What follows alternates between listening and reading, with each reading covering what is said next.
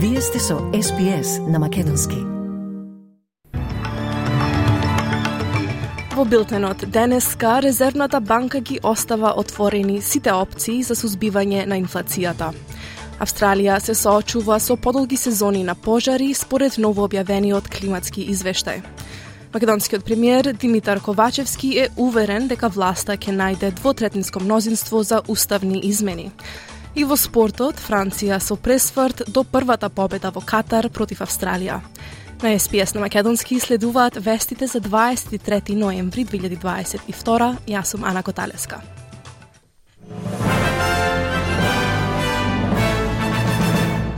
Прогнозата за раст на Австралија беше ревидирана додека недостигот на работна сила и глобалната енергетска криза продолжуваат да ја потикнуваат инфлацијата. Организацијата за економска соработка и развој очекува реален раст на бруто домашниот производ од 4 во 2022 година, што е намалување за 0,1 процентен поен во однос на септемвриските прогнози. Според извештајот за економските изгледи на организацијата, кој беше објавен денеска, недостигот на работна сила во повеќе сектори е клучен фактор кој придонесува кон зголемената стапка на инфлацијата. Резервната банка ги остави отворени сите можности за намалување на инфлацијата, вклучително и враќањето на зголемувањето на стапката на 50 базични поени. Но гувернерот на Централната банка, Филип Лоу, рече дека очекува подобрувањата во синџирите на снабдување за бизниси да имаат позитивен ефект врз локалната економија.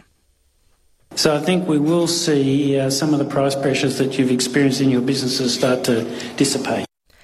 Австралија ќе се соочи со подолги сезони на пожари и поинтензивни тропски циклони поради зголемувањето на глобалните температури.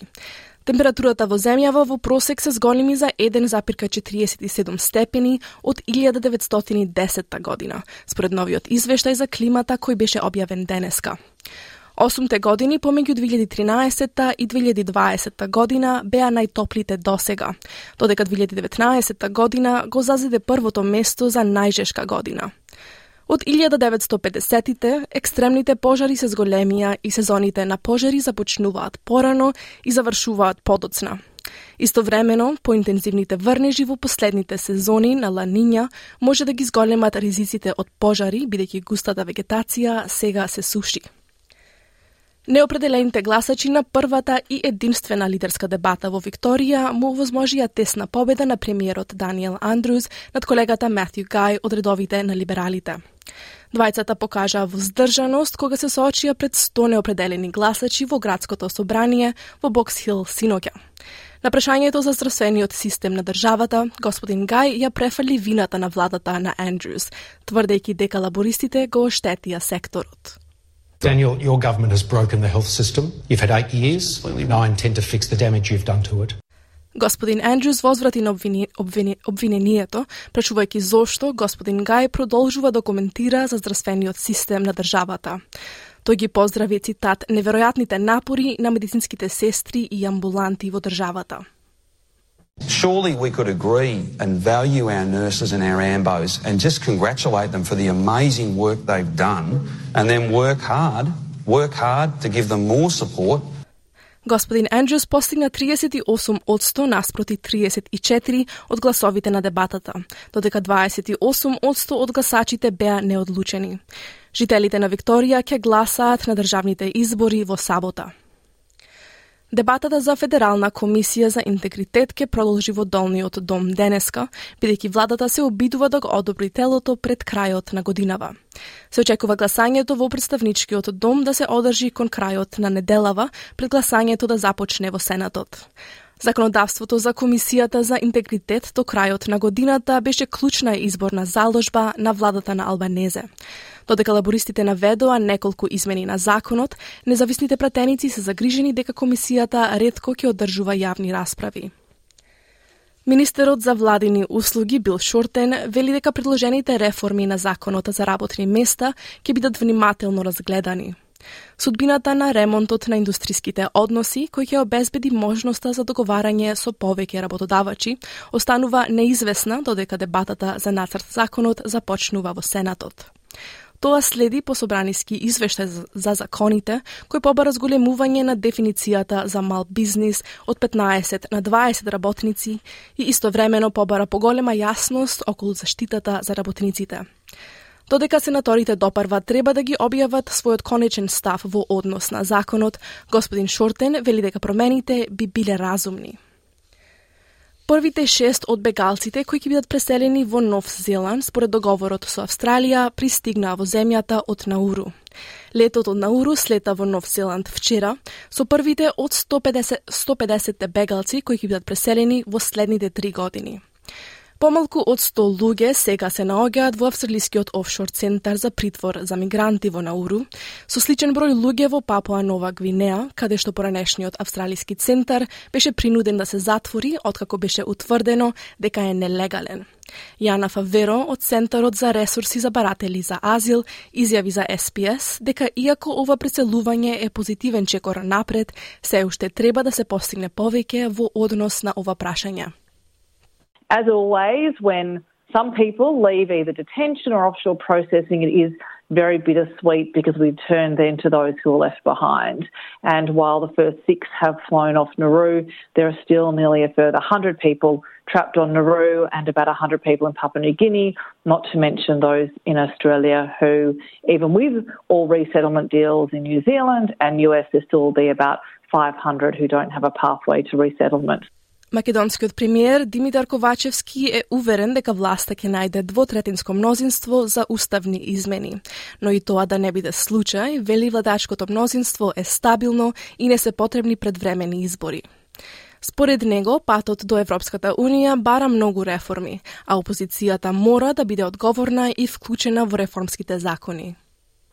Двотретинското мнозинство за промена на уставот и продолжување на европскиот пат на државата не е потребен за владата и за парламентот исклучиво. Тоа не е процес на една политичка партија, а, туку тоа е процес а, за сите политички партии застапени во парламентот, кои што треба да обезбедат европска иднина на државата. Додека уставните измени и реформите на патот кон ЕУ се тешки, но необходни, беше согласна и поранешната министерка за надворешни работи на Шведска, Ан Линде. По вториот социоеколошки форум кој се одржа во Скопје, таа ја повика македонската опозиција да биде конструктивна и да не го отежнува процесот за интеграција на Македонија во Европската Унија. Децата кои загинале при уривање на нивните училишта се меѓу 268 жртви на земјотресот што го упостоши градот на главниот индонезиски остров Јава. Спасувачите прават огромни напори да стигнат до преживеаните од земјотресот што го погоди градот вчера, додека официјалните лица предупредуваат дека бројот на загинати најверојатно ќе продолжи да расте. Потресот со јачина од 5,6 степени според Рихтеровата скала, кој, го, кој ги погоди планините на најнаселената индонезијска провинција Западна Јава, предизвика значителна штета на градот Сијанјур и доведе до лизгање на земјиштето кое затрупа најмалку едно село. Председателот на Индонезија, Джоко Видодо, изјави дека спасувачките напори се засилуваат, а приоритет ќе биде евакуацијата на преживеаните.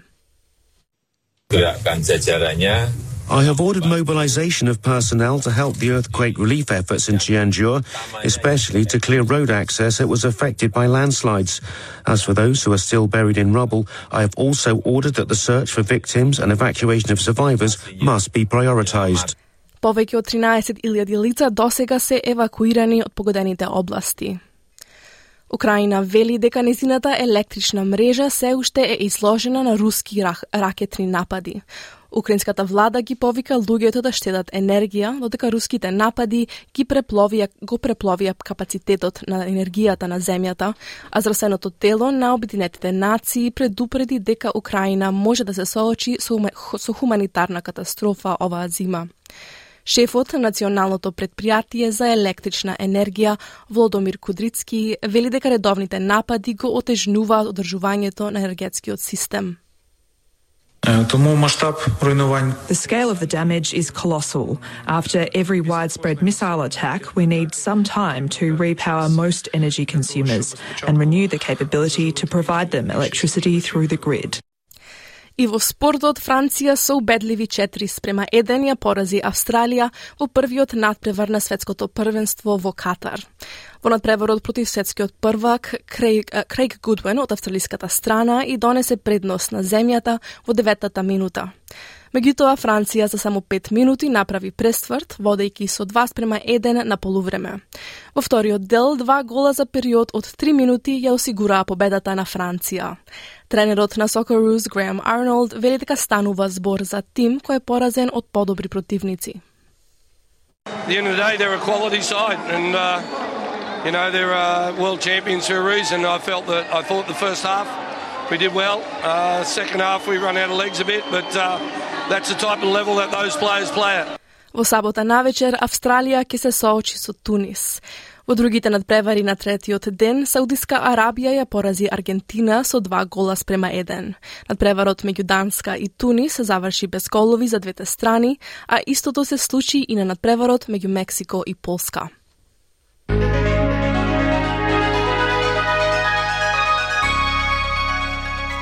Од најновата курсна листа денеска еден да австралиски долар се менува за 0,64 евра, 0,66 американски долари и 39,37 македонски денари.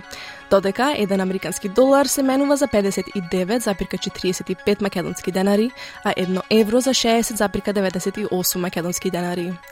И на кратко временската прогноза за главните градови за утре, 24 ноември, во Перт делумно облачно 23 степени, 24 за Аделаид претежно сончево, облачно за Мелбурн 20 степени, идентично и за Хобарт облачно 20, делумно облачно за Канбера 23 степени, 25 за Сиднеј претежно сончево, претежно сончево и во Брисбен 25 степени. Краткотрајни слаби врнежи и можна бура во Дарвин 34 и за Алис Спрингс облачно 29 степени.